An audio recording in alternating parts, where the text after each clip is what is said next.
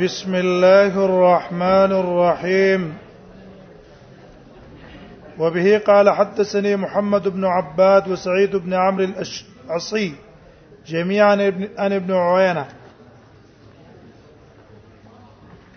امام مسلم رحمه الله باب اخو جد ضعفاء نه به روایتونه نه نقل کې دا غي نه بزان ساته مخکې روایتونه نقل کړه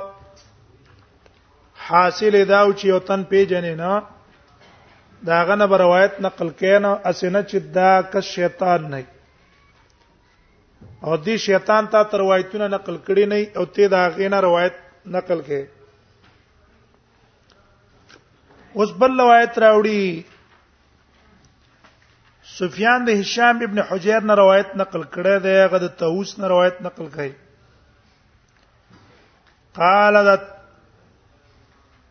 د هشام ابن حجیر وای جا هاذا راغ د طاووس هاذا کې زمير چا تراجه ده طاووس ته وی راغ د طاووس ال ابن عباس ابن عباس ته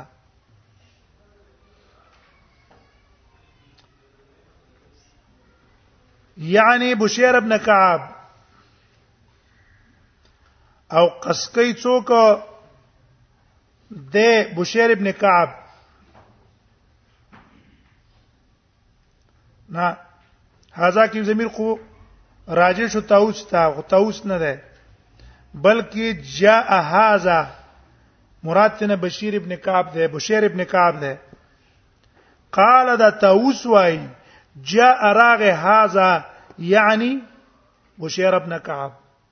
قسقی دا تاوس په هاذا باندې څوک بشیر ابن کعب وې دا بشیر ابن کعب راغی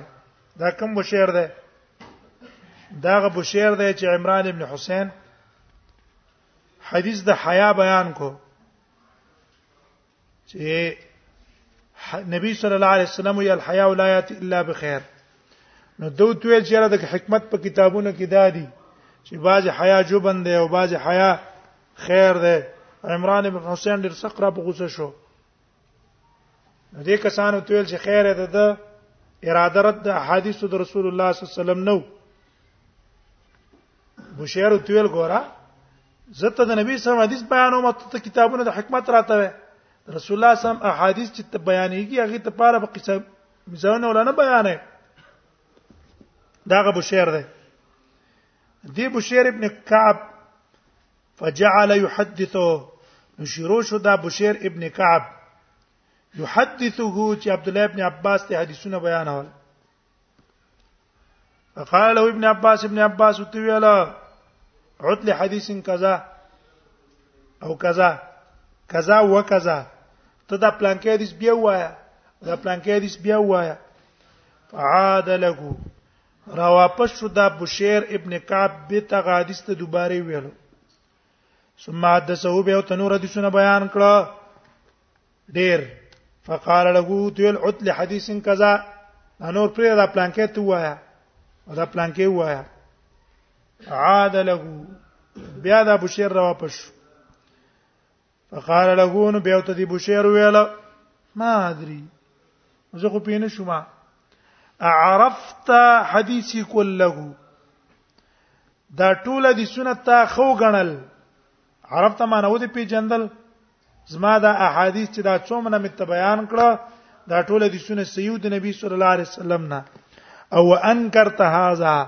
او دا کم چې دراته ویل چې دا تبو بیا وایا دا د منکر وګڼل ام انکر ته حدیثی کله او یا ټول احادیث ته تزما منکر ښکار شو چې دا صحیح دي او عرفت هذا او دا کم چې ما ته دي دوباره امر په اعاده وکړو دا د معروف کار شو ابن عباس تو ویاله ان كنا نحدث عن رسول الله یا نحدث عن رسول الله معنی معنی دي وای موږ به د نبی صلی الله علیه وسلم احادیث مخکې بیانول دقه سه دونه پروا به نه ساتله یا نو حدثو موږ ته به حدیثونه د رسول الله صلی الله علیه وسلم بیانېدل شو اذ لم یکذب علیه کله چې په نبی صلی الله علیه وسلم باندې خلکو دروغ نو جوړ کړي رسول الله صلی الله علیه وسلم چا د ځان نه احادیث جوړ کړي لانو کنه نو موږ به دغه سي احادیث نقل کول پروا بم نه ساتلا فلما ركب الناس والصعب والذلول کله چې خوار شو سوار شو خلک الصعب په سخت سورلې هغه سورلې چې هغه لته والا ده او الذلول او په هغه سورلې چې هغه تابع ده معنی په تابع او په غیر تابع هر قسم سورلو باندې خلک سوار شو ترکنا الحديث عنه اوس موږ د نبی سم احادیث است پرې خوستل څه مطلب ہے الصعب والذلول معنا دا ده چې خلک صحیح روایتونه او د دروغ روایتونه ټول نقل کول شروع کړه صحیح موای ضعیف موای پروا نه ساتي نو منګه مسند نبی سلام احادیث نقل کولو کې احتیاط وکړو ولی وجدادا چرته منګ ته خلق نسبت ته دروغونه کیږي دا څونه ډېر د سونه بیانې عبد الله ابن عباس په مبدي کې څه وی دروغ جنې منګم د نبی صلی الله علیه وسلم احادیث پر قصته ده بنا د دې د وجنې چرته منګ ته څوک نسبت د څونه کی د دروغونه کی ترکنه لدی سمانا ده او یا ترکنا الحديث عنه ارچا احادیث اوس موږ نه قبلو چې څوک د نبی صلی الله علیه وسلم نه احادیث نقل کړي د ارچا نه نقل کو بلکې پکې احتیاط کو چې کم صحیح هغه موږ راخلو او چې کم زوی پیغه پریدو دا مطلب شو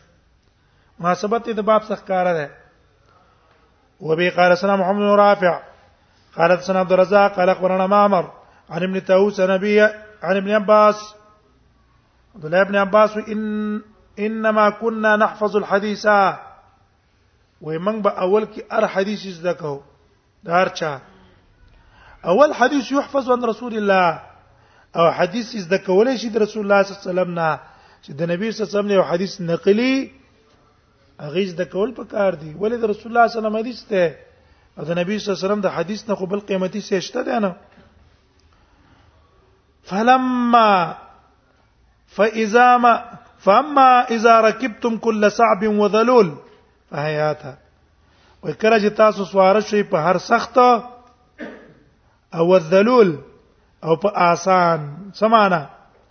هغه سخت چې هغه څوک به کې توجه نه کوي او ذلول هغه دی چې د خلکو محبوبي معنی خلک په مختلفو شینو کې لاړ د څه کارونه اختیار کړي چې خلک یې خوي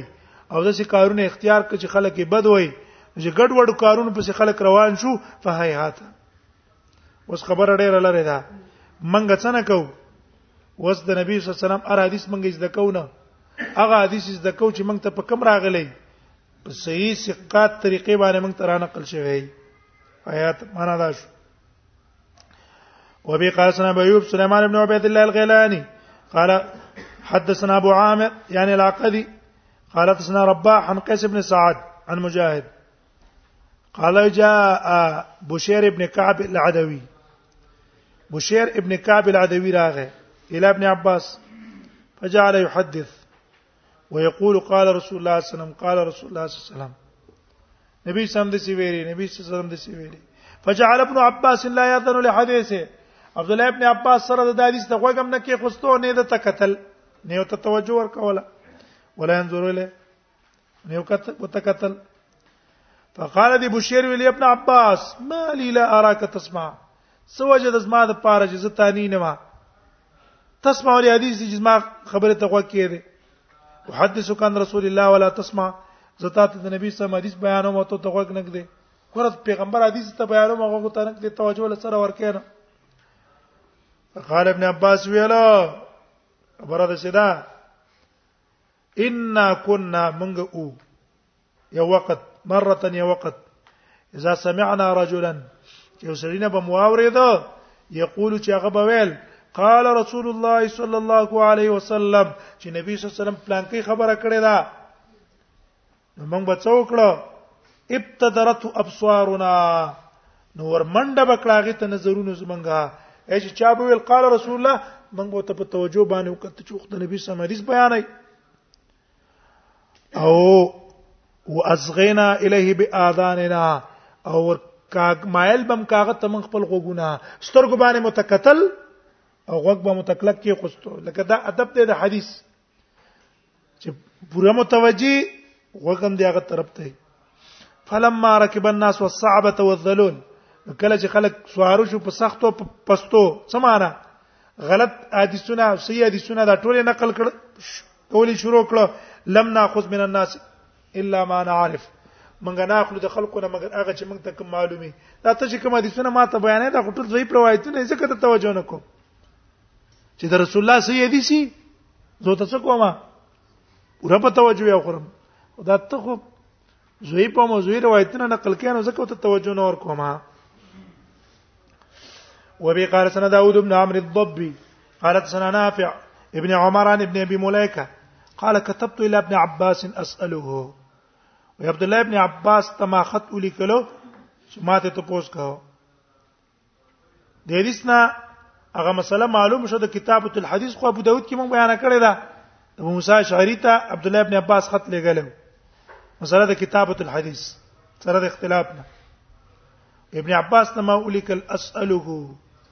ما ته تپوس کو ان یكتب لي کتابا چې ته ما ته یو خط ولیکا هو يخفي عني پدې کې اختلاف ده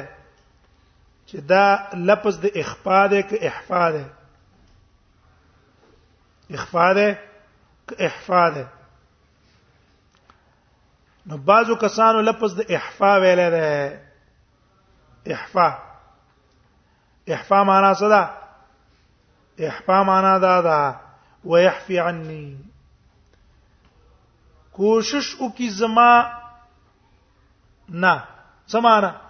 ويحفي عني پورا استقصاد احادیث ما تمکوا چې ټول احادیث ته ما ته پکې راجمه کینا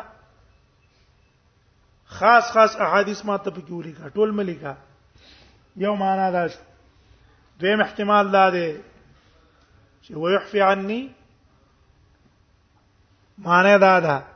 چې ته استقص استقصاء کما تا ويحفي عني يحفي علي معنا ده عني په معنا ده علي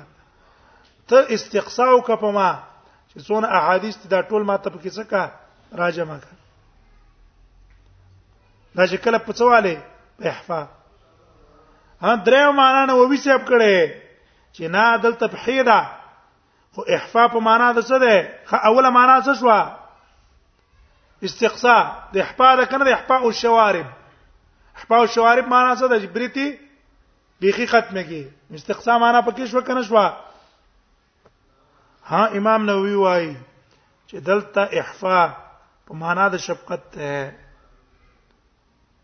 لکه قران کې دي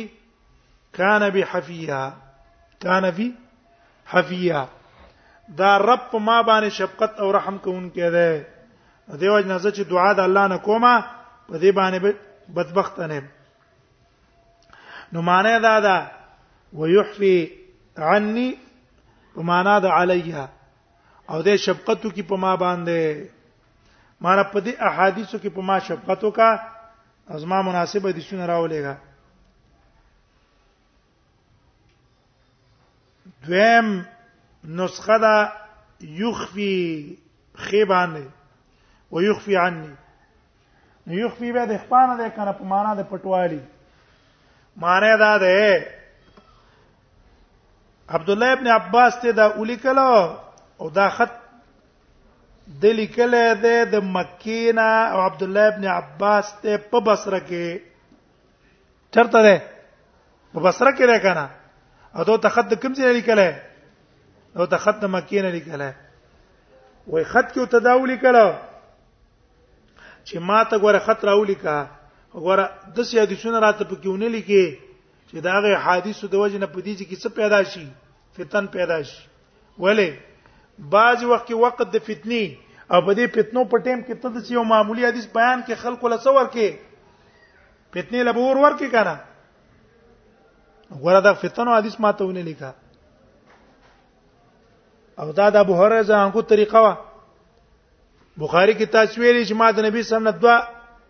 علوم زده کړي یو مې د تخور کو او قبل بیان کم زما د امرې بچ شي دا به پرې کړی شي لکه تیاز البلعوم دا به پرې کړی شي او دا د سونه د څو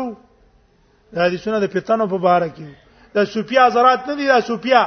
هغه ګوره دا د کم سره متعلقو دا د وجد او د دې متعلقو کدا ز بیان کوم دا مری برخلا لخلق اوس کی الله کار دی امتحان دی په دنیا کې خامخا په حدیث او آیاتونو کې اشارات مشارات ته غلط خلک استدلالات کوي خپل مذهب ته څه کوي اته ثابت دی پیران سیوان ګډاګانې کوي ګډا باندې راشي په مجلس کې جذبه کې وراشي پټکې به تړلې خه خسته ګیره به پریخي او پټکې به موالي په ګډا باندې به شروع شي واجب خبره ده چې دا چې موږ تاسو کلک تاسو سر را باندې ګرځي را غورځيګو او هغه دونه تاوی کی چې اریان بشوتا ایڅ سرم پینې کیو شیطان په کې دنه ورغلې نو او هغه د خپل وجد د پاره څه کوي دلایل ولوي ثواب یې غني ولې پیرانو مجلس کې هم دای کنه محمد رسول الله صفاتونه عرش د څه شو عرش لاړو زنګو خوځیدل او پلان کې کېدل او بس خلک جذبه کې او پای کې راغلي غلم دلایل وي او ایوب علی السلام چې کله الله روغونه است پاکه او ایوب علی السلام وګړل سراغه غړا کرا انبیاء ته نسبت کوي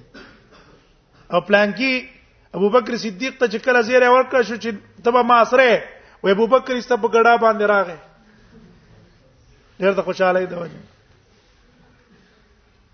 او پلانکی په ګډا کې راغې تاسو سی وجد نه منای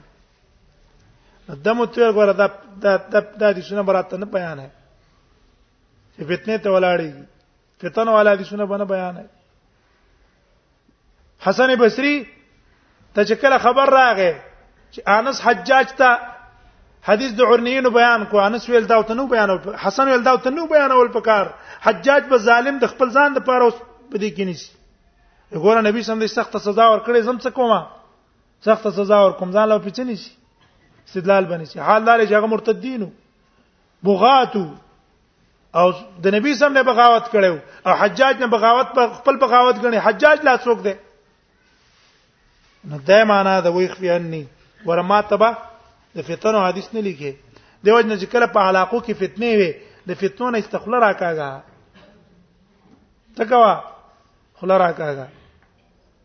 فتنو په ټیم کې په سکوت کوای درمیانه چلےګا دا وخت هم کله د فتنې شي کنه که چرته دی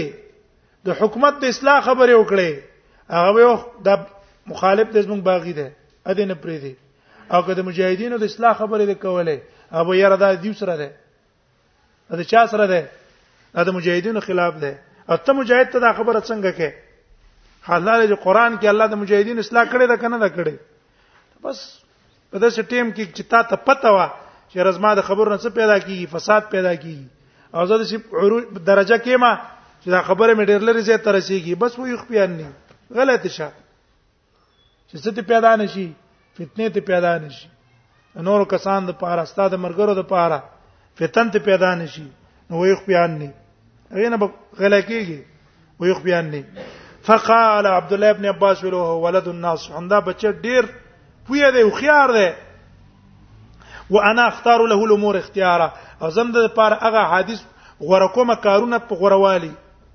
او اخفي عنه مغه معنا ده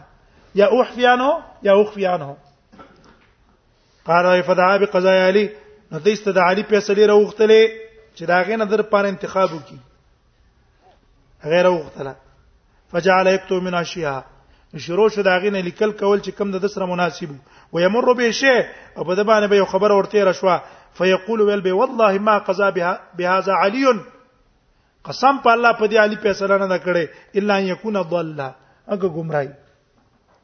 که علي گمراه دا فیصله به کړي خو علي خو گمراه نه ده جالي گمراه نه ده نو فیصله هم ده علي نه ده کړي د شیاګانو روافضو او د خوارج علي ته څه کړي ده نسبت کړي ده هغه زمانہ د علي په نسبت کې علي ژوند ده ابن عباس ژوند ده او د شیاګانو علي ته څه کړي دروغ یې تور منسوب کړي نو اوس په دې زمانہ کې د شیعاګانو مزه خو ټول په دروغ بنا ده فقہ جعفری څه ده كلها کذب ځکه امام جعفر امام د سنیانو او دیو ته د دروغ ټول منسوب کړه ده دیونه شیعاګانو مذهب په دروغ باندې بنا ده احتیاط پکې پکار ده الا یکون ضل مانک گمراهي او گمراه خو دینه دیو جنا پیسې سره دا نسبت هغه ته غلط ده